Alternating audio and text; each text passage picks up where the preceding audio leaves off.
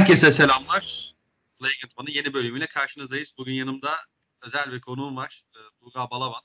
Kendisiyle birlikte bugün NBA takımını konuşacağız. 5 NBA takımını konuşacağız. Ee, abi hoş geldin yayına. Selamlar, hoş bulduk. Ne haber, nasıl keyifler? İyi valla. Koşturmaca aynı. Sen nasılsın? Apar topar. İşten getirip oturttuk seni ama. Yok abi. Sen alışın böyle podcast durumlarına. Güzel, Harika. Ee, Harika. Abi istersen hiç zaman kaybetmeden başlayalım mı 5 takıma? Hadi başlayalım. İlk takımımız e, Los Angeles Lakers. Sürpriz bir takımla başlıyoruz. Evet. Öyle mi? Aa bilmiyordum. Tell me something I don't know diyorum. Sorma.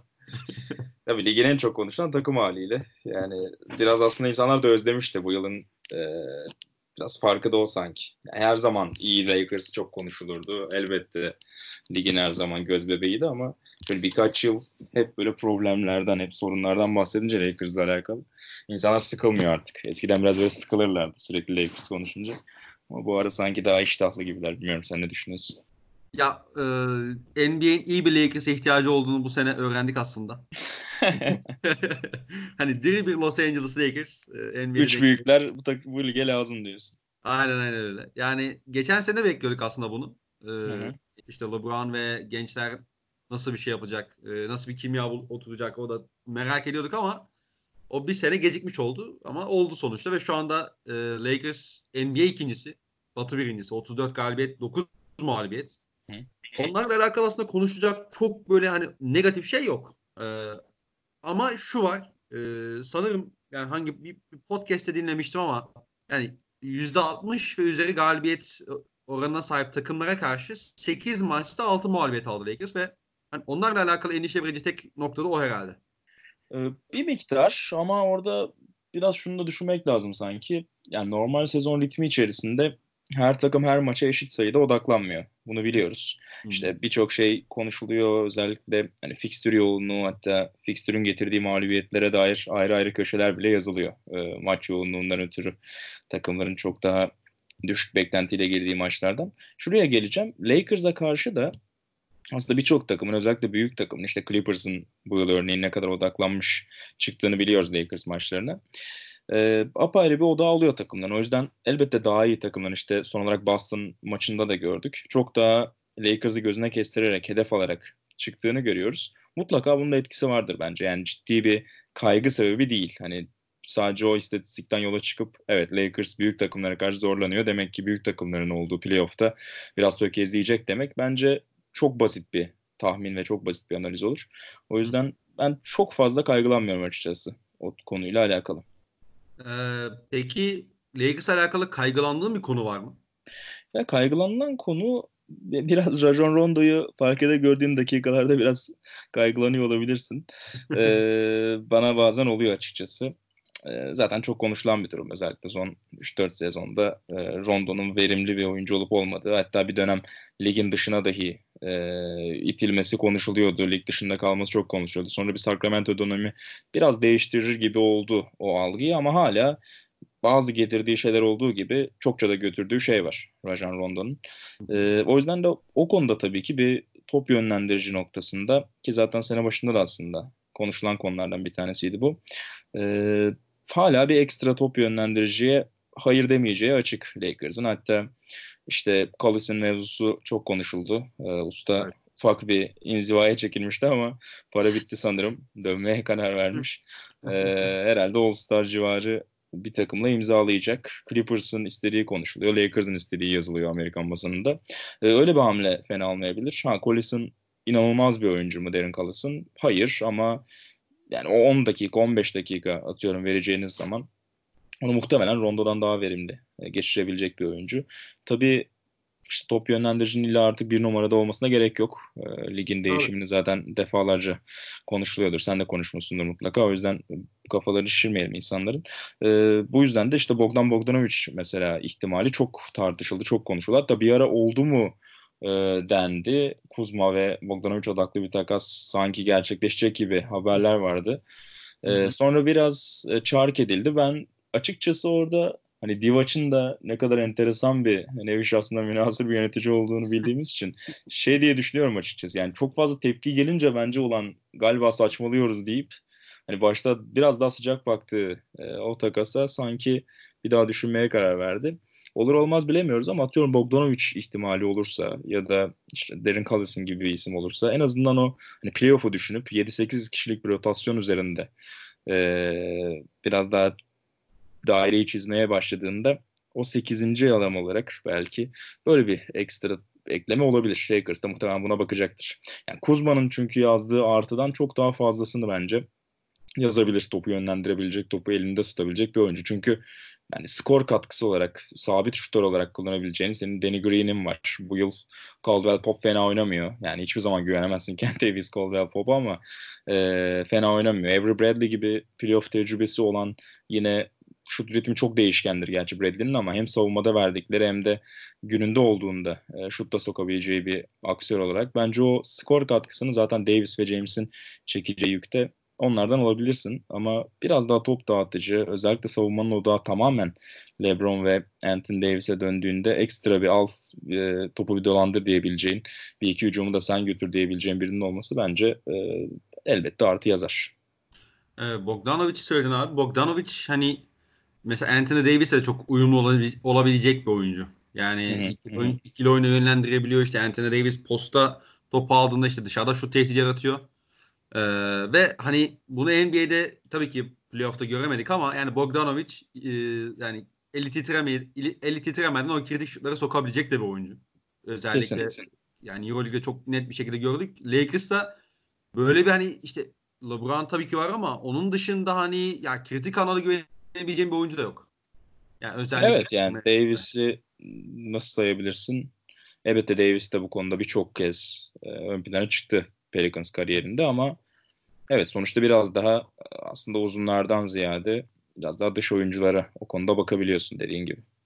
Ee, şeyi soracağım ama Frank Vogel şu ana kadar yani çok iyi bir iş çıkardığını söyleyebiliriz. Hani bu takımın e, bu takıma bir koç elinin değdiğini görüyorsun ama Hı-hı. şey konusunda çok eleştiriliyor aslında. Hani ya işte LeBron ve Anthony Davis pick and roll'ünü pek kullanmıyor. Çok az kullanıyor.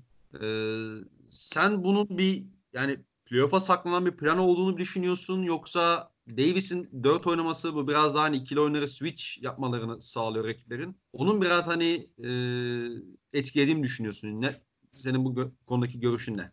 Onu merak ediyorum açıkçası. Ya şöyle e, yani Batı'nın zirvesinde işte sen de söyledin ligin ikinci sırasında olan bir takım için hani çok böyle gaddar eleştirilerde bulunulmasına ben çok makul bulmuyorum açıkçası. Ee, söylediğin gibi bir durum da olabilir. Şu an zihnini okumamız çok kolay değil. Hı hı. Ee, Frank Vogel'ın. Belki her hamlesini burada göstermek istemiyor olabilir ki yani yazın en çok konuşulan hatta yazın demeyelim yani Davis takası sonuçta geçen yılın başından beri aslında kağıt üzerinde konuşulan bir türlü olmayan bir takasta en sonunda yazın vuku buldu.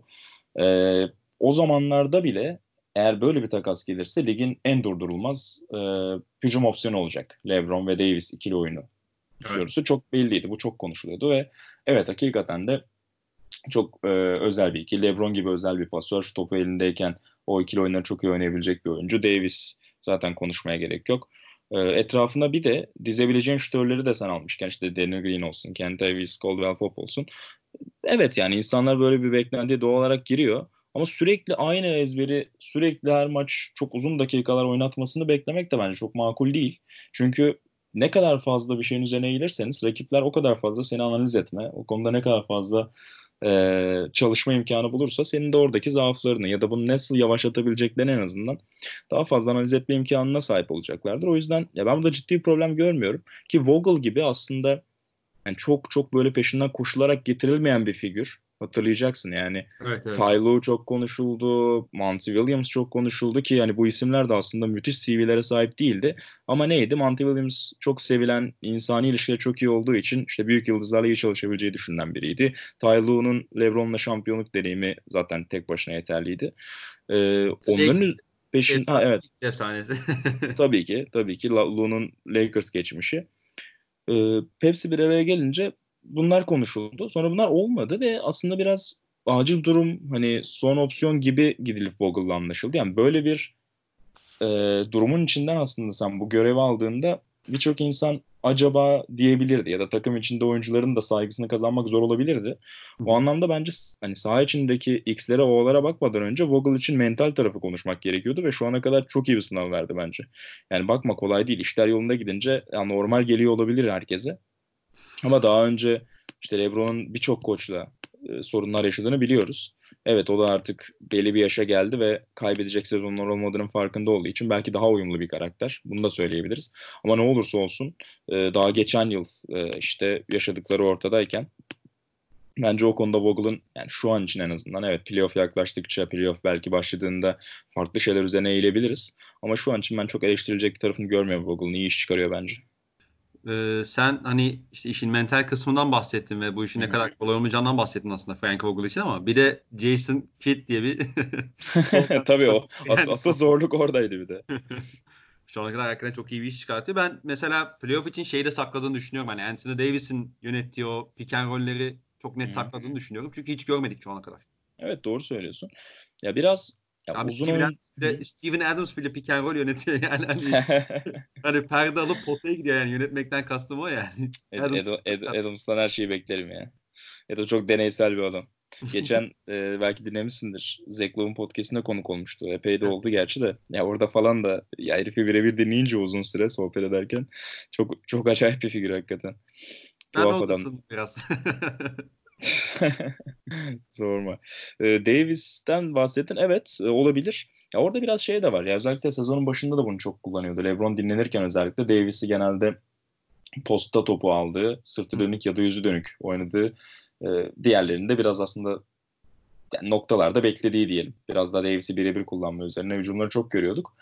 Ya ben orada biraz şunu da düşünüyorum. Uzun oyuncular bir değişim içerisinde ya son 5-6 yılda. Yani aslında alıştıkları geçmişten onların ezberlediği ya da belki liseyi, üniversitedeki tek yıllarını bir miktar daha oynayarak geçirdikleri düzene bir anda tamam artık bunu hiçbir zaman yapmayacağız. Sen tamamen işte ikili oyunlar üzerine öğreteceksin ya da top elindeyken bir şeyler üretmeye çalışacaksın. Yeterince yeteneğin varsa ya da şut atacaksın. Kabul ettirmek çok kolay olmayabilir bence. O yüzden hani biraz tamam normal sezon zaten. Yani ne olursa olsun Davis burada post aldığı hücumlarda da bize belli bir miktar katkı sağlayacak. Daha şu andan zaten mükemmelleşmeye gerek yok. Önemli olan Nisan ayında senin hücumda ne seviyede olduğun. Diyerek hani biraz daha Davis'in al abi sen de istediğin gibi oyna. Sen de biraz alış. İşte top senin elinde olsun. Topla daha fazla vakit geçir. Bunları alışıyor, alıştırıyor olabilir. Bu konuda biraz hani gönlünü hoş tutuyor da olabilir bana kalırsa Davis'in. Çünkü yani LeBron gibi bir figür var. Ve oyundayken mutlaka neredeyse her hücumda topun ondan dönmesi gereken bir düzen var. Doğruya doğru. Yani LeBron ipleri belli bir noktada Davis'e vermeye çalışıyor. Davis'i yüreklendirmeye çalışıyor. Sezon başındaki açıklamalarını hatırlarsın. Hani bizim asıl MVP'miz o. Hücumda yükü onun çekmesini istiyoruz gibi Davis'i biraz gururlandıracak, onurlandıracak şeyler de söylüyordu LeBron. Ama ne olursa olsun en azından bir pasör olarak en azından topu Davis'e aktaracak, onun üzerinden baskete yönlendirecek e, figür olarak top bir şekilde LeBron'a değiyor. O yüzden de bir noktada da Davis'in biraz daha topla fazla vakit geçirdiği e, aslında matematiksel olarak ileri istatistik olarak biraz daha düşük belki sana sayı sağlıyor ortalamaya baktığında. Ama moral olarak Davis'i daha mutlu edecek. Topu birkaç kere yere vurduktan sonra e, vakit harcayabileceği hücumları deniyor olması bence biraz da yine az önce bahsettiğim yani o mental tarafı da bence düşünüyordur. Yani Davis'e topu daha fazla vererek postta. Peki abi o zaman kapatalım mı Lakers kısmını? Ee, olabilir. Ee, yani büyükler konusunda hani işte Clippers maçları ya da geçen Boston maçı çok konuşulmuştu mesela. Yani onlarla ilgili sen bir şey eklemek istersen onu da konuşalım öyle geçelim. Ya Boston maçında Lakers'ın o yani e, maçın içine kalacak işte mental seviyeye çok çıkamadığını düşünüyorum. Hı hı. Ee, yani biraz çok şey değillerdi. Hani o maç hazır değil gibilerdi işin. En azından bunu sezdim ki zaten hani Boston'la Lakers arasında böyle bir yani kalite farkı hiç olmadı. Olmayacaktı. Yani en azından bu sezon. Ee, ama ben hani Noel maçında hani Lakers'la alakalı çok daha pozitif şeyler düşünüyorum. Kaybettikleri e, yani kaybetmiş olmalarına rağmen.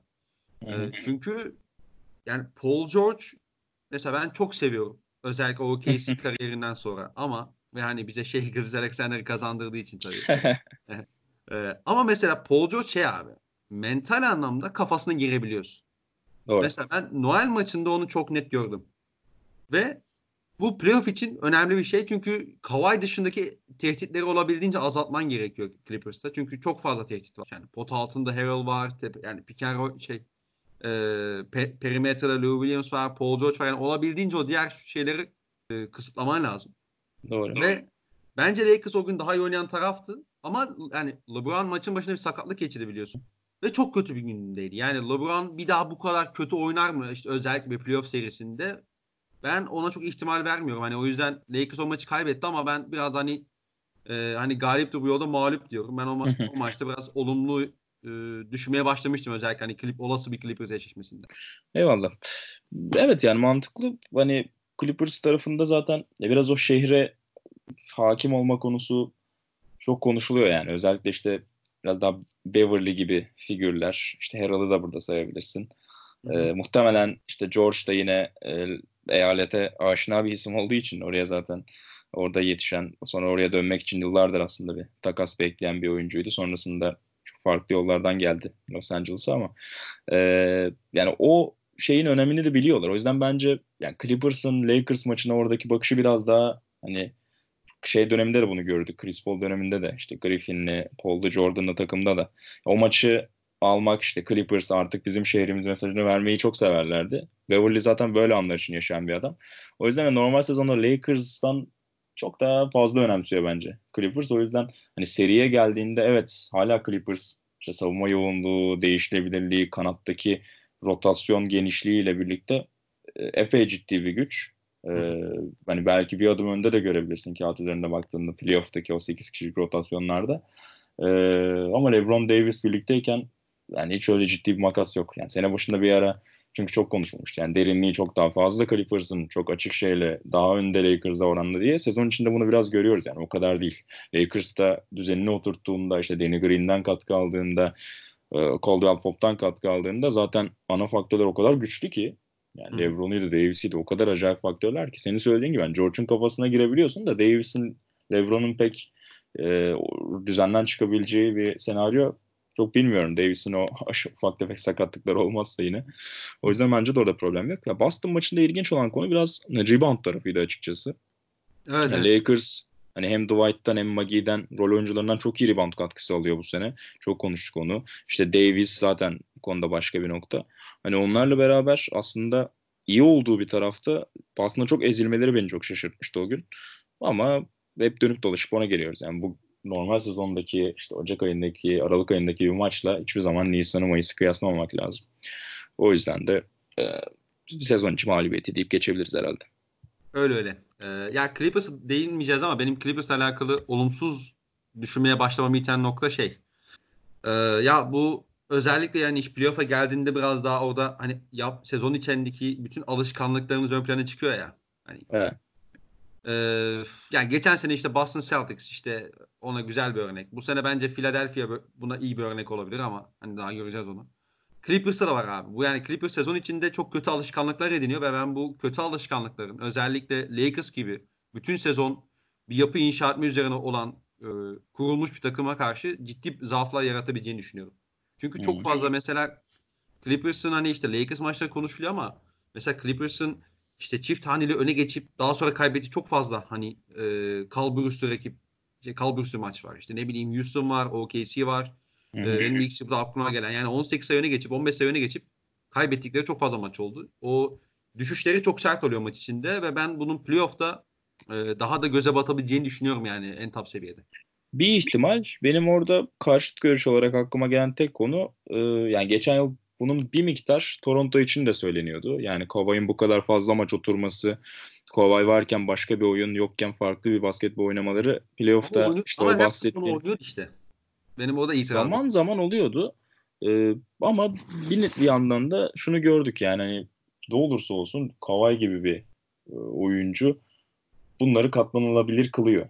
Yani o özellikle işler sıkıştığında zor anlarda işte zaten bunu yapabilecek 5-6 oyuncu var. Kawhi onlardan bir tanesi. O yüzden o alışkanlıklar biraz daha hasır altı edilebiliyor açıkçası. Yani o hani normal sezonda üzerine çok gidilmedi, çok savruk göründü. Playoff'ta da öyle olur düşüncesi işte biraz antitezler de oluşturmaya başladı sanki son dönemde. Ama tabii Toronto'nun Kawhi'sız kadrosunun da çok başarılı bir sezon geçirdiğini unutmayalım geçen sezon. Yani Kawhi'nin oturduğu maçlarda da o Raptors kadrosu, o Raptors kadrosu çok iyiydi. Ee, onun da tabii faktörü olmuştu sonrasında playoff başladığında. Neyse Clippers'a da girersek çok uzayacak. Clippers'a evet. geçelim. o zaman hani madem e, Raptors'a girdik oradan devam edelim abi. Toronto tamam. şu anda Doğu üçüncüsü 29-14. Ee, son dört maçlarını kazandılar ve e, bayağı çok yakın geçen bir hani ikincilik yarışında Doğu'da şu anda üçüncü sırada yer alıyorlar. E, Miami'nin hemen arkasında, Boston'ın hemen üstünde. Ya çok acayip bir sezonu geride yani çok acayip bir sezonu geçiriyorlar daha doğrusu. Yani geride evet. bırakıyorlar Yani sürekli sakatlıklarla boğuştular. Sürekli hani işte regenlerle yaşamaya çalışıyorlar. İşte hani bir yani birçok oyuncusu bir var bir yok. Hatta işte bu veteranların durumu ne olacak onu da bilmiyoruz.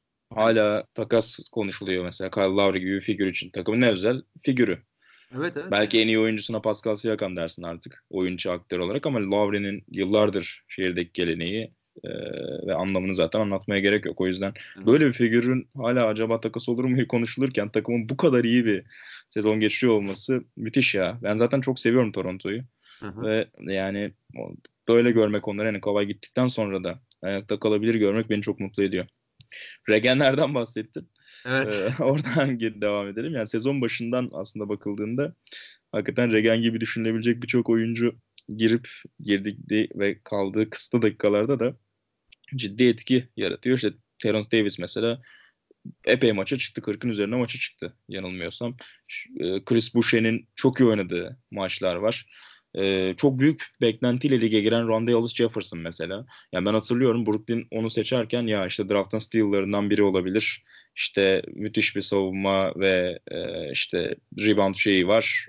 Şutta oturtursa eğer çok özel oyuncu olabilir falan filan diye çok konuşuldu mesela Rondale Jefferson. Sonra silindi. Bir türlü olmadı. Hiç o şutta dair en ufak bir sinyal vermedi ve gözden çıkarılabilir bir noktaya geldi Ron Jefferson. Sonrasında Raptors'da görüyoruz. İşte özellikle uzun rotasyonun sakat olduğu bir dönem vardı.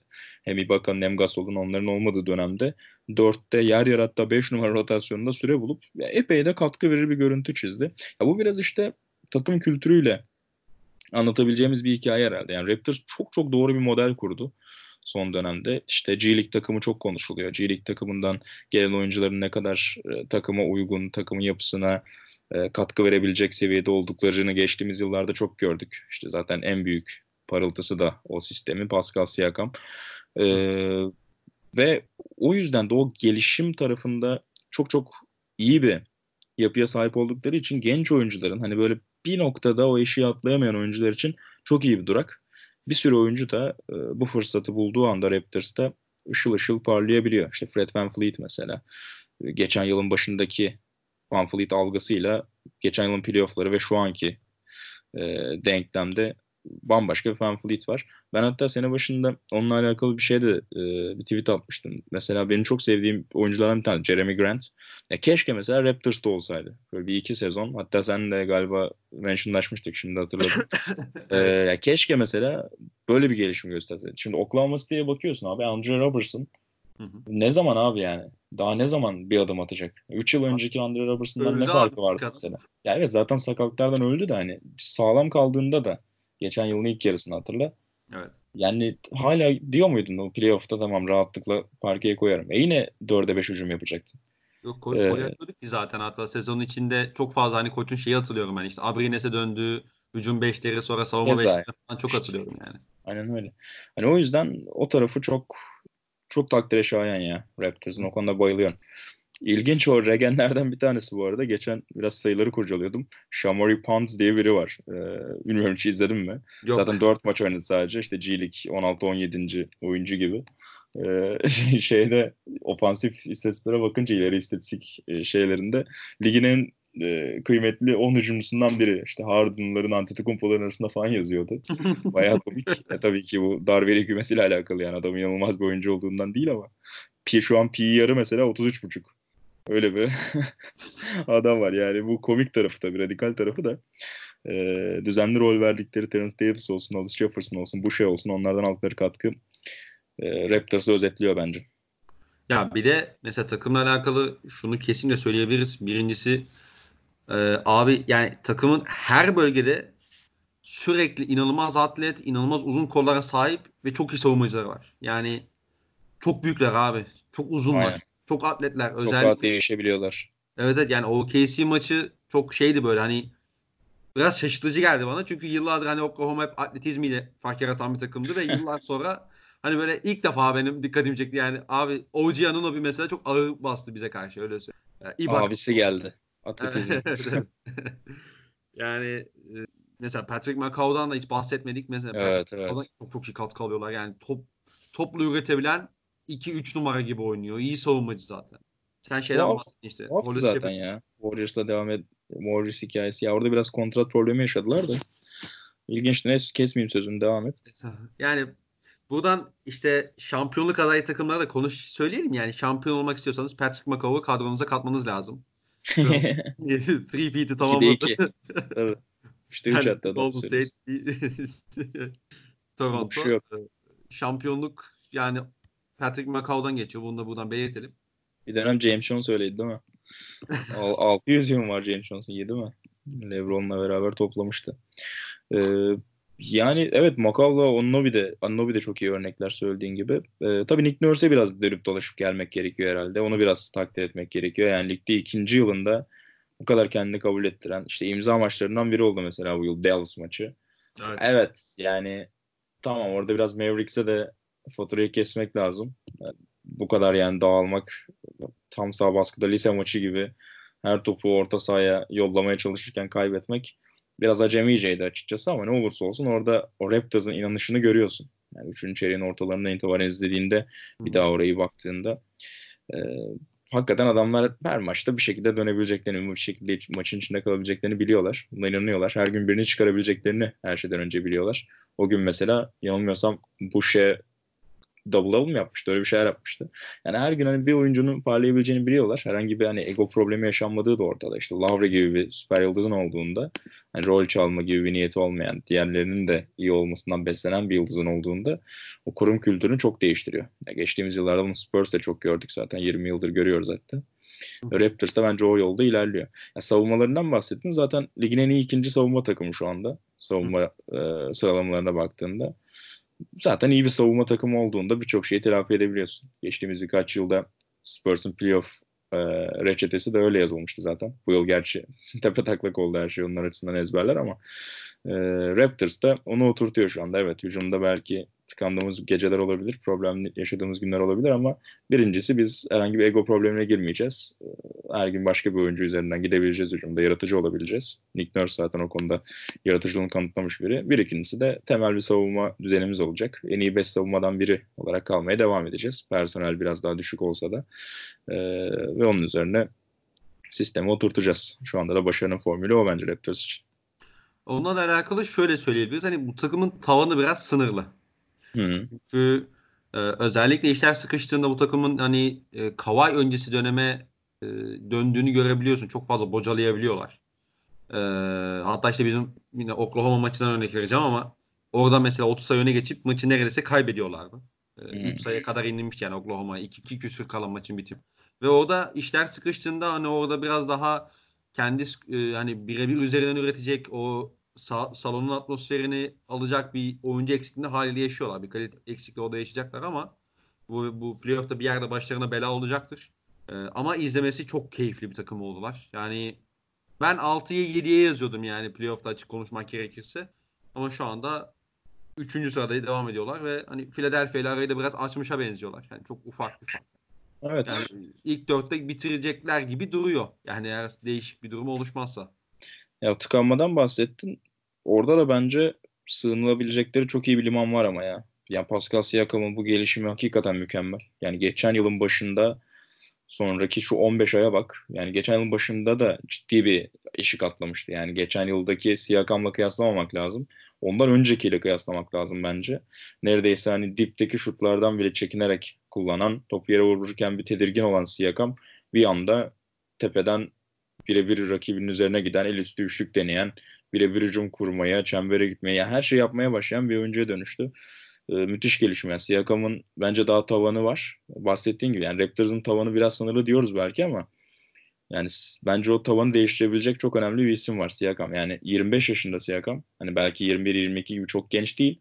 Ama oyun gelişimi anlamında bence hala önünde epey ışık var. Yani önümüzdeki 2-3 yılda farklı boyutlar kattığını görebiliriz oyunda ve Siakam etrafında bence büyüyecek Raptors ve bu seviyelerde kalmaya devam edecek. Ee, peki Toronto ile alakalı ekleyeceğim bir şey var mı abi? Ee, devam edebiliriz. Yani Miami'de yine beklentileri biraz aşan ve üst tarafa yakın olan takımlardan biri. Belki ona sıçarız. Onları birlikte konuşabileceğimiz birkaç şey olabilir. Evet. E, Miami Heat şu anda 30-13 gidiyor onlarda 43 maç sonunda. Ve hani Doğu ikincisi sırası, e, konumunda yer alıyorlar. E, Miami'nin zaten çok heyecan verici bir takım olduğunu olmasını bekliyorduk. Ee, özellikle hani işte e, Hasan Whiteside belasına kurtulmaları ve işte Bam Adebayo'nun ilk beşe gelmesi, Jimmy Butler'ın e, free agency'de gelmesiyle birlikte hani çok keyifli bir takım olmalarını bekliyorduk ama e, yani ben açık konuşayım. Duncan Robinson'ı, Kristan'ı Kristan nereden çıktı ya Kendrick'den özür diliyorum. E, bu arkadaşların bu performansını hiç beklemiyordum yani açık konuş. E, çok ekstra oynuyorlar. Çok özverili oynuyorlar ve hani şu bir, şu ufak detayı da vereyim. Yani içeride 19-1 abi takım. Acayip yani, Tek bir maç kaybetmiş. İnanılmaz yani. Miami gece hayatının bir etkisi var mıdır peki gelen takımlara? Ee, Harden oynadı mı bu sene? oradan oradan bakmak lazım. Şaka bir yana hakikaten özellikle eskiden çok konuşulurdu. Artık tabii biraz daha profesyonelleşti ve oyuncular daha doğrusu takımlar biraz daha temkinli bu konuda ama ne olursa olsun sonuçta milyonlarca dolar kazanan insanları gece eve tıkamayacağınıza, otele tıkamayacağınıza göre yani Miami birçok oyuncunun sezon içerisinde takvimde işaretlediği yerlerden bir tanesi. O yüzden e, düşük performanslar olabiliyor arada. Hani arada geyikle birlikte aslında şakayla karışık konuşuyoruz ama hakikaten de olabilen bir şey bu. O yüzden o anlamda ayrı bir ev sahibi avantajı var Miami'nin. Onu atlamayalım hakikaten.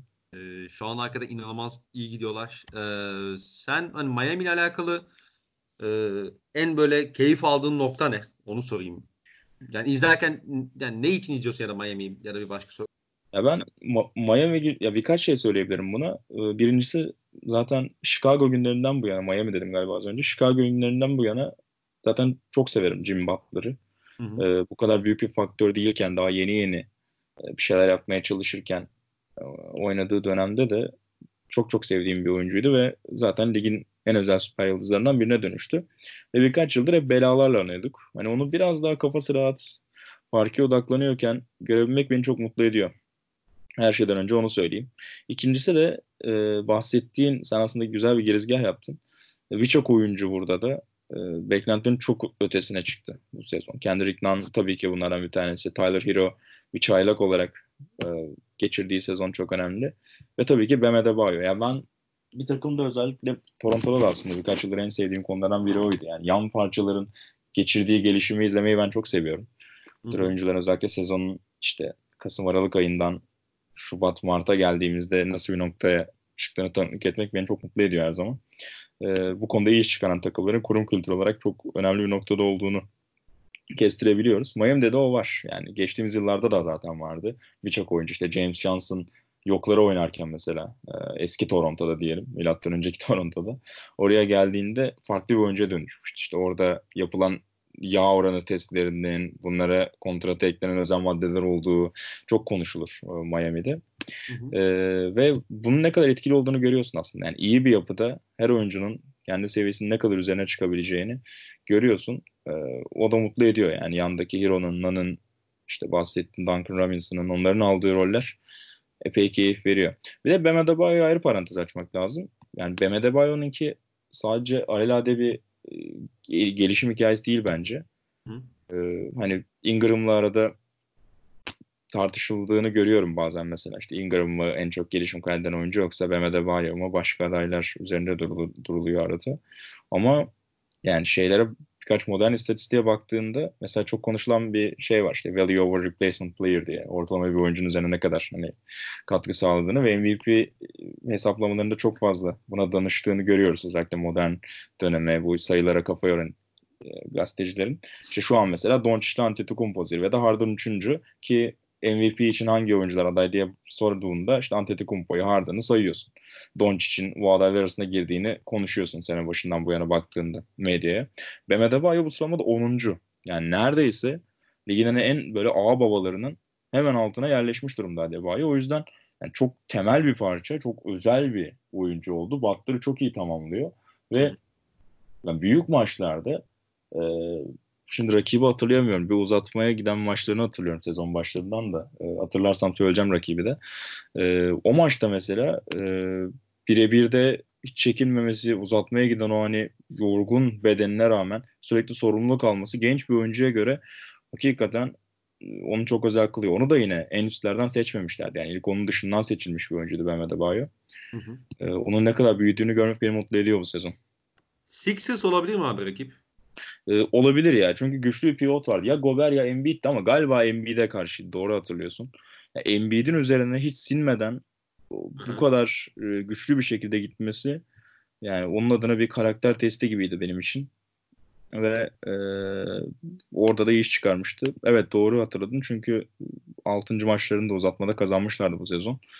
E, o maç doğru hatırlıyorsun. E, ya Miami ile alakalı işte istatistiklere biraz bakarken şey dikkatimi çekti. Yani adamlar yani Miami Heat rakibine en çok üçlük attıran yani deneme, deneme olarak en çok üçlük attıran bir dakika kontrol edeceğim yanlış olmasın. Ee, üçüncü takım abi. Hı hı. Yani ve ama şöyle bir durum var. Rakiplerini de yine e, en düşük seviyede tutan takım. Oran yani, olarak. Evet yani volüm olarak hem rakipler çok fazla deniyor Miami'ye karşı hem en az isabet bulan e, hem çok az isabet buluyorlar. O işte yani, akıllı savunma stratejisini biraz insanlara gösteriyor olabilir. Ya geçen yıl mesela Milwaukee de bu alanda benzer bir grafik çizmişti yanılmıyorsam. Hı hı. Yani rakibin hangi oyuncunun problem yaşayabileceğini süzüp hani çok kötü bir şutör olmasına gerek yok. Ama hacmi büyüttüğünde yani işte ortalama bir şutör düşünelim. Ee, kim olabilir? Az önce Caldwell Pop'tan bahsettik. Belki olabilir ama biraz daha düşük. Atıyorum Avery Bradley diyelim mesela. Yani Avery Bradley'e karşı oynarken bomboş bırakabileceğim bir oyuncu değil Avery Bradley. Bir Andre Robertson değil sonuçta. Evet. Ama neticede üst üste 14 şut attığında da yayın gerisinden ulan bir şeyler tuhaf gidiyor. Acaba ben fazla mı şut kullanıyorum? Ya da işte beni boş bırakıyorlar. Hani bir, bir mind game mi var diye kafası karışabilecek isimler ortalama şutörler. Yani geçen yıl baksın bunun ne kadar başarılı yaptığına dair birçok analiz yazısı vardı. Merak edenler onları da okuyabilir. Ee, o mesela işte savunma stratejisini daha büyük resimde ne kadar iyi kurduğunuzla ilişkilendirilebilir. Ee, bu, bu sene de Miami bunun iyi bir örneğini veriyor. Doğru söylüyorsun. Mesela ben e, bilmiyorum sen ne düşünüyorsun ama hani Lakers'ta söylemeyi unuttum. E, yani Anthony Davis'i Yannis gibi kullandıklarını düşünüyorum iki savunma kısmında. Biraz daha serbest hmm. merkezi kapatan. Biraz Yardıma daha gelen. Aynen öyle. Ve bu da mesela Lakers'ı çok işliyor yani. Savunmada kimliği yani bunun sayesinde biraz kazanıyorlar. Hani Miami Heat'te de bu biraz Bam Adebayo'da var gibi. Hani e, Miles Tennis hücumda biraz daha 4, savunmada daha böyle 5 gibi oynuyor. Bam Adebayo'da biraz daha hani o yardım savunmalarını getiren e, 4 numara rolünde. Bir de şey yapıyorlar hani tabii rakiplerini hücumda hani bu kadar çok şuta 3 ile zorlarken şey görüyorsun mesela işte e, Kendrick Nunn olsun, Duncan Robinson olsun, Jimmy Butler olsun. Yani o aslında o üçlü attırmamak için en sonunda inanılmaz bir gayret gösteriyorlar. Ya. Çok agresif bir şekilde e, şut savunmasını yapıyorlar. Bir de biri bir de tabii kolay kolay yenilmeyen işte birkaç oyuncusu da var yani. Savunmasını izlemek de ayrı bir keyif. Yani özellikle bu e, yani Ben Medebayo'nun hem hücumunda yaptıkları hem savunmada yaptıkları çok büyüleyici hakikaten şu an. Evet evet kesinlikle öyle. Ee, bunlar da işte biraz Miami'yi özetliyor söylediğin gibi. Ya bir de son dönemde işte forma renkleriydi, parke renkleriydi falan apayrı bir çekiciliği var zaten Miami'nin. Evet. O yüzden de e, keyifli ya onları playoff'ta falan görmek güzel olacak. Bir de e, yani Jim Butler için şeyleri de söyleyebiliriz. Yani bir, birkaç istatistik vardı az önce takımla alakalı. Miami'yi verimli kılan noktalardan bir tanesi de istatistik olarak servis atış çizgisine çok fazla geliyorlar. E, oradan da iyi besleniyorlar. E, orada tabii biraz Jim Butler'ın etkisi önemli çünkü bu tür alanlarda genelde süper yıldızınızın topu en geniş hacimle elinde tutan oyuncunuzun ne kadar çizgiye gelmeye yatkın olduğu biraz etkili olur. Hı hı. Ee, Jim Butler da onu çok seven bir oyuncu. Yani sık sık çizgiye gelip işte faal üzerinden skor üretmeyi seven bir oyuncu. Ee, onun da avantajını kullanıyorlar bu sene. Onun üzerine kurdukları bir düzen var. Savunma reboundlarında zaten epey iyiler. Konuda ligin üst sıralarında yer aldıklarını söyleyelim. Bir de yavaş tempo oynuyorlar. Aslında evet. o da o da bir anlamda hani takım yapısına uygun kalmanın önemini gösteriyor. Yani son dönemde her şey koşmak e, ve alan açmak üzerine belki ama yani malzemeniz buna çok çok uygun değilse eğer farklı planlarda üretebiliyorsunuz.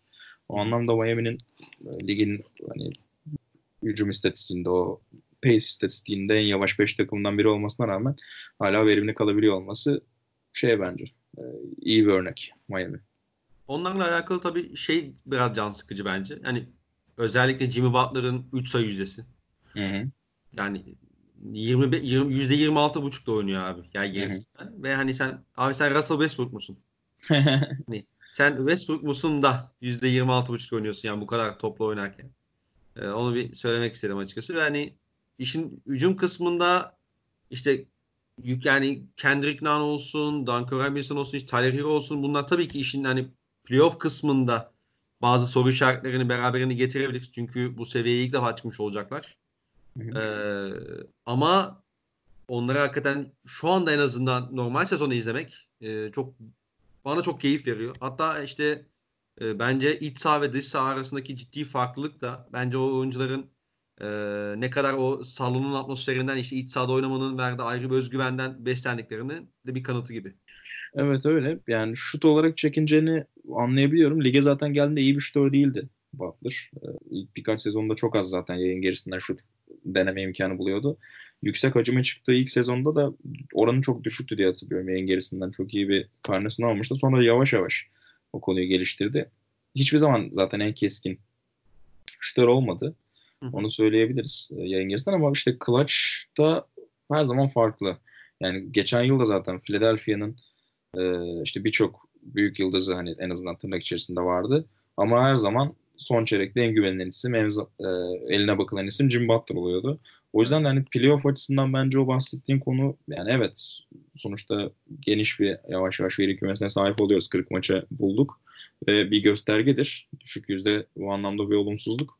Ee, ama öte yandan da savunmaların hani diğer oyuncuları oranla çok daha Butler'a odaklanması. Çünkü çok ışıltılı bir yıldız yok onun dışında. Hücumda işleri yönlendiren. O yüzden de pek fazla kolay şut imkanı bulamıyor Butler. Oranın düşürme açısından bu önemli. Geçen yıllara göre. Çünkü önceki yıllarda işte yanında Towns vardı atıyorum. Yanında Embiid vardı. Yanında birileri vardı mutlaka. O yüzden de bütün savunma daha üzerinde değildi ve bu oranları etkiliyor elbette. Ee, o yüzden de hani düşmenin sebebi biraz iyi savunuluyor olması olabilir. Ama onun dışında e, bence çok problem olmayacaktır. Yani playoff geldiğinde, kritik anlar geldiğinde o sahneler için yaşayan bir adam Butler. Her zaman şutu teslim edebilecektir Miami. Peki e, yani Miami ile alakalı son sorum şu. Bir takas yapacak olsan hmm. kimi, kimi getirmek istersin bu takıma? Yani gerçekçi bir takas tabii yani. Hmm. Yani Bogdanovic fena olmaz. Hı hı. Yani Bogdanovic şu an işte yani sezon sonunda kontrat durumundan dolayı bu arada Bogdanovic neden sürekli gündem oluyor yüzlerce oyuncu arasında diye sorun olabilir. Ee, yani sınırlı serbest kalacak yazın Bogdan Bogdanovic ve e, Sacramento'nun da biraz kepi şişmeye başladığı için iyi bir teklif geldiğinde onu karşılayıp karşılayamayacağı soru işareti. O yüzden de boşa kaptırmamak adına Bogdan Bogdanovic'i takas edilebileceği konuşuluyor. Hani bunun bu kadar önemli bir aday olarak konuşulması sebebi bu. Ee, neden Bogdanovic? Yine aslında biraz top yönlendirici ihtiyacını ötürü. Yani Nan biraz daha skoruna bakan bir oyuncu. Biraz asist miktarlarını arttırmaya başladı son dönemde ama hala arkadaşlarını hazırlayan e, bir oyuncu diye tanımlamaz Kendrick Nunn'ı.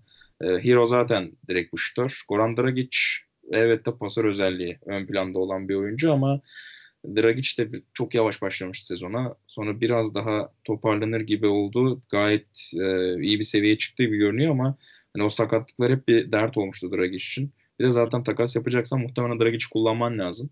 E, onun da biten kontratı ve maaş eşlemesi açısından. Ve Dragic'in de olmayacağını düşünüyorum bir takas yapıldığında. O yüzden de Butler'ın yanında bir top yönlendirici lazım. E, bence bakacakları tarafı olur. Pot altına çok ekleme yapacaklarını sanmıyorum. E, işte Le- Leonard'dan, Olinik'ten 7'şer 8'er dakika alıp idare ederler bence. Tabii bir de onlar için yüzden... şey olacak. Ee, bu sözünü kesme abi ama Justice evet. Winslow'u bir kazanmak, bir sahada görmek ben, tabii ki iyi evet. Evet. Yani muhtemelen takas yapacakları takımların isteyeceği isimlerden biri de Winslow. E, çünkü fizik olarak ciddi bir potansiyel. Hala 23 yaşında. Geçen yıl özellikle bir numara oynadığı bir dönem vardı ve Allah Allah dedirtmişti hakikaten. E, pasör özelliğini işte fena olmadığını görme imkanı bulmuştuk. O Hı-hı. yüzden tutabilirler mi bilmiyorum. Yani çok yüksek bir isme giderlerse çünkü Winslow'u da kullanmak zorunda kalabilirler. E, ama Bence yani biraz daha dağıtıcı tarafta. İşte Chris Paul'dan çok konuşuldu ama bence çok mantıklı mı emin değilim. Yani bu kadar iyi genç oyuncu varken ileriye dair 3 yıl daha kitlemek istemeyebilirsin maaş defterini. Hı hı. E, Paul'un kontratı zaten herkesin malumu. O yüzden bence bir top dağıtıcı arayacaklardır. E, kim bulabilirler göreceğiz. Riley e, mutlaka bir hamle yapacaktır ama. Pat Riley sever böyle takasları diyoruz. Aynen öyle. Bu ikiliyi kapatmadan şunu da söyleyeyim bence. Yani Milwaukee çok iyi gidiyor evet ama ben hala yani geçen yılda olduğu gibi geçen ortalarında da ben benzer bir şey düşünüyordum. Yine normal sezonda çok iyi giderlerken. Yani Yanis çok özel bir yıldız ama playoff'ta biraz daha tempo düştüğünde hala sıkıştırılabilir bir oyuncu. Bence sürpriz bir doğu şampiyonu görebiliriz bu sene. Yani hani Miami işte takasta kim gelecek önemli bu. Ama hani Sixers'ın ortaya koyduğu görüntü şu ana kadar malum. Playoff'ta farklı olacaklar evet ama hala soru işaretleri var. Milwaukee tökezlerse e, çok tuhaf bir şampiyon bizi bekliyor olabilir bu sene Doğu'da. Şu anda bence açık konuşmak gerekirse yani şu anda Doğu'nun ilk altısı da net çıkabilir abi şu anda. Olabilir yani, yani hani yani bilmiyoruz. Ola, o, Oladipo'ya bağlı mesela. Pacers Oladipo'ya bağlı. Evet, Heat, evet. Heat takasa bağlı muhtemelen. Yani şu anda da çok iyi oynuyorlar açıkçası ama yani ya da işte hani dediğin gibi zorlanabilirler. Ne kadar çok kolay olmayacaktır. Yani, yani mutlaka o playoff atmosferinde titriyecektir. Yani ne kadar çok korkusuz görünse de Nam ve Hero ikilisi bir şekilde tıkanabilirler. Ya da Boston mesela. Boston evet. da çıkabilir. Yani sene başında en ciddi iki adaydan biri olarak konuşmuyordun açıkçası ama. Evet, evet. Yani şöyle bakıyorum. Öyle. Bir de şöyle bir durum var. Hani eğer bu şekilde giderse Philadelphia hani diyelim ki 4'te 5'te kaldı Philadelphia. Abi ikinci turda direkt Bucks eşleşiyor. Doğru doğru. Yani orada mesela Bucks'ta hani sen yanlış dedin. Ee, ne kadar hani sın, yani sınırlandırılabileceğini konuştuk zaten. Hani söyledin sen onu. Abi tam olarak yani hiç istemeyeceği belki de tek adam. Embiid'le karşılaşacak. Evet. Ve bunun yani Embiid'e karşı Yannis'in ne kadar zorlandığını geçen sezonda gördük. Bu sezonki Noel maçında da gördük. Ee, dolayısıyla hani orada işte Bucks bir anda Philadelphia karşısında e, elenebilir de ve ondan sonra Philadelphia'nın sıkıntıları başka takımlara karşı da hani gün yüzüne çıkabilir. İşte diyorum bir Boston'a karşı bir Miami. Orayı izlemek çok keyifli olacak. Çok karmaşık bir durum var ve hani e, şimdi şeyde çok fazla kalmadı trade deadline'a. Ben çok majör bir hamle bekliyorum yani doğuda. Birinden bekliyorum en azından. Bakalım yapan kim olacak? Ee, Memphis'e de geçelim. Bayağı da uzattık bu arada. Evet. Diyorsan yani... Beşinci takımı atlayabiliriz. Memphis'te de yavaş yavaş kapatabiliriz istersen. Olur abi. Öyle yapalım o zaman. Öyle yapalım. Memphis Grizzlies şu anda e, Batı 8. abi. İnanılmaz değil mi? Yani birçok insan hani açık konuşacağım. Burada biraz mütevazilikten çıkacağım ama ben Memphis'in beklendiği kadar kötü olmasını yani insanların düşündüğü kadar kötü olmayacağını düşünüyordum kendi hmm. Ha 20-23 ile playoff yapmaları tabii ki kendilerinin dışında hani işte San Antonio'nun, Portland'ın düşmesiyle de alakalı ama e, yani şu anda gayet iyi gidiyorlar. Son şu anda şey önümde e, açık. Son 10 maçı mesela 8'ini kazandılar. İşte bunun içinde evet. çok hani e, şaşalı bir Clippers galibiyeti de var mesela. Yanlış hatırlamıyorsam Houston'u yendiler. Geriden gelip. E, yani Cem izlemek inanılmaz bir keyif. Yani Muazzam yapama, ya, bir insan havada yürüyebilir mi abi? Adam havada yürüyor ya çocuk. Yürüyor müthiş bayağı atlet. yani. Yani müthiş atlet ama e, kolejden gelirken zaten müthiş atlet olması bir sürpriz değildi mesela. Yani Murray State'de zaten bunun sinyalini veriyordu ve evet müthiş atlet tamam iyi bir pasör evet bunu da NBA temposuna yansıttı bravo ama şut abi bence yani Morant'i bu sene ve Memphis'e tabii ki büyüten olay oldu. Yani Hı-hı. kimse ondan çünkü hani şut formu biraz tuhaf izleyince görebiliyorsun. Evet. Hala mesela önünde bir el varken çok kolay değil o şutu kurup kaldırması. Ee, ama özgüvenli yani alttan geçildiği anda hiç çekilmeden e, o şutu kaldırıyor ve şu ana kadar da gayet iyi e, rakamları. Geçen hatta Harden'la olan o atışması da çok konuşulmuştu. Görmüştür belki dinleyenler. Evet. e, müthiş abi yani hem figür olarak hem karakter olarak çok çok iyi bir oyuncu. Morant e, bolca adından bahsettirecek belli. Ve sadece Morant değil. Geçen yılın da bence mesela Jaren Jackson Jr. Hı-hı. geçen yıl bence hakkı çok verilmeyen bir oyuncuydu. Yani bu yıl ne kadar özel olduğunu görüyoruz. Hı? sakatlıktan dolayı bayağı kaçırdı. O, o da belki etkili. belki ama sakatlanmadan önce de bence yani gayet iyi oynarken de Jaren Jackson Jr. yani iyi oyuncu ama falan deniyordu. Will gördük. Will işte bir benzeri Brandon Clark'la eklediler mesela. Evet. Asıl onlar için e, piyango oldu. Yani Morant'in iyi olması bekleniyordu. Bu kadar iyi olması belki beklenmiyordu ama iyi olması bekleniyordu. Brandon Clark'ın bu kadar e, büyük faktör olması takımın en özel tamamlayıcılarından biri haline gelmesi önemli tabii. Dylan Brooks biraz daha yine kendini bulmuş görünüyor. O da biraz sallandı. Geçen yıl bir türlü olamayan o takasın bir parçasıydı o da Brooks skandalının. Ee, kaldı en sonunda takımda. Bu yıl takımın iyi e, parçalarından biri haline geldi. iyi tamamlayıcılarından biri haline geldi. E, tüm bunlar umut veriyor. Yani sezon başında e, bir dosya yapmıştık dergiye NBA sezonuyla alakalı ve e, orada şeyi sormuştuk. E, yani bu sezon işte ciddi yıldızlarını geçen yıldan beri kaybeden işte Memphis, New Orleans ve Thunder'dan hangisi daha çok ümit veriyor sizin için diye. Herkes New Orleans'ı seçmişti. Çünkü hakikaten çok fazla genç oyuncusu vardı ve elbette Zion hype'ı vardı. Ee, ama şu an dönüp bakınca yani bu sanki acaba Memphis mi diye insan dönüp düşünüyor. Yani çok özel bir çekirdek bence Morant Jackson çekirdeği. Hı hı. Bir içeride bir dışarıdan olması da bence önemli. Yani geçmişte bu çok daha önemliydi. Hani artık biraz daha oyun dışarıya kaymışken iki dışarıda e, yeteneğin de iyi bir çekirdeğe katkısı olabiliyor ama ne olursa olsun dışarıdan da baya el üstü işte daha şut saatinde 18-19 saniye varken tak tak şut kullandığını görüyorsun mesela Jaren Jackson Jr.'ın. E, epey önemli. O yüzden epey heyecan verici bence. Bir de kontrat e, şeyleri de bir iki yıla daha temizlenecek. Salary evet. cap'leri. E, Memphis iyi oldu. Ya onlarla alakalı şunu söyleyebiliriz. Mesela ilk beşlerine bakıyorsun. Ee, işte Morant, Dylan Brooks, ee, üçte şey, Jay Crowder, e, Jaren Jackson Jr. ve Jonas Valanciunas. Yani hakikaten çok yani inanılmaz bir takım mı değil ama baktığın zaman çok doğru kurgulanmış da bir takım oluyor. Yani tamam bu biraz da takaslarla gerçekleşti falan biraz belki de tesadüfi oluştu ama e, hakikaten işte pot, dışarıda bir delicisi var işte çok net bir ana yönlendiricisi var. iki tane e, üç tane hatta işte hem topu yere vurabilen hem iyi savunmacı olan e, kanat oyuncusu var. İşte Jaren Jackson Jr. zaten hani anlatmaya gerek yok. E, Jonas Valanciunas gibi hem çok sağlam perdeci mesela Morant gibi e, yani denizcilik üzerine oynayan bir adam için herhalde bulunmaz nimettir yani Valanciunas gibi adam. İşler sıkıştığında post up'ına güvenebiliyorsun. İşte çok iyi reboundçu e, böyle çok hani tırnak içinde takımları satacak adam da değil. İyi de bir karakter. Saha içinde isteyeceğiniz bir adam. Ve bol, bolca mücadele edecek oyuncu da var. Yani Memphis zaten yıllardır hep böyle bilinen bir takım. Tabii. Dolayısıyla biraz tesadüfi oluşu belki bu. Belki hani işte Lotarya'dan 2'den değil de 3'ten seçseler belki New York Knicks seçecekti Ja ve ya da işte geçen sezon ikinci sıradan Marvin Bagley değil de Luka Doncic ya da işte atıyorum. Olmaz ya gerçekten. Ja Morant, şey Jaren Jackson Jr.'ı seçse Sacramento Kings bambaşka şeyler konuşacaktı belki ama e, onlar da ayaklarına gelen bu hani fırsatları, şansları çok iyi değerlendirdiler şu an. Ee, Aynen öyle. Ee, o iyi mücadelenin işte satmama kültürünü zaten olduğunu söyledin. Yani Grit and Grind'ın aslında olumsuz yönlerini atıp olumlu yönlerini devam ettiriyorlar o konuda. Yani eskisi evet. kadar yavaş böyle düşük tempo oynamıyorlar. Aksine hatta geçiş hücumlarında ligin en etkili takımlarından biri Memphis.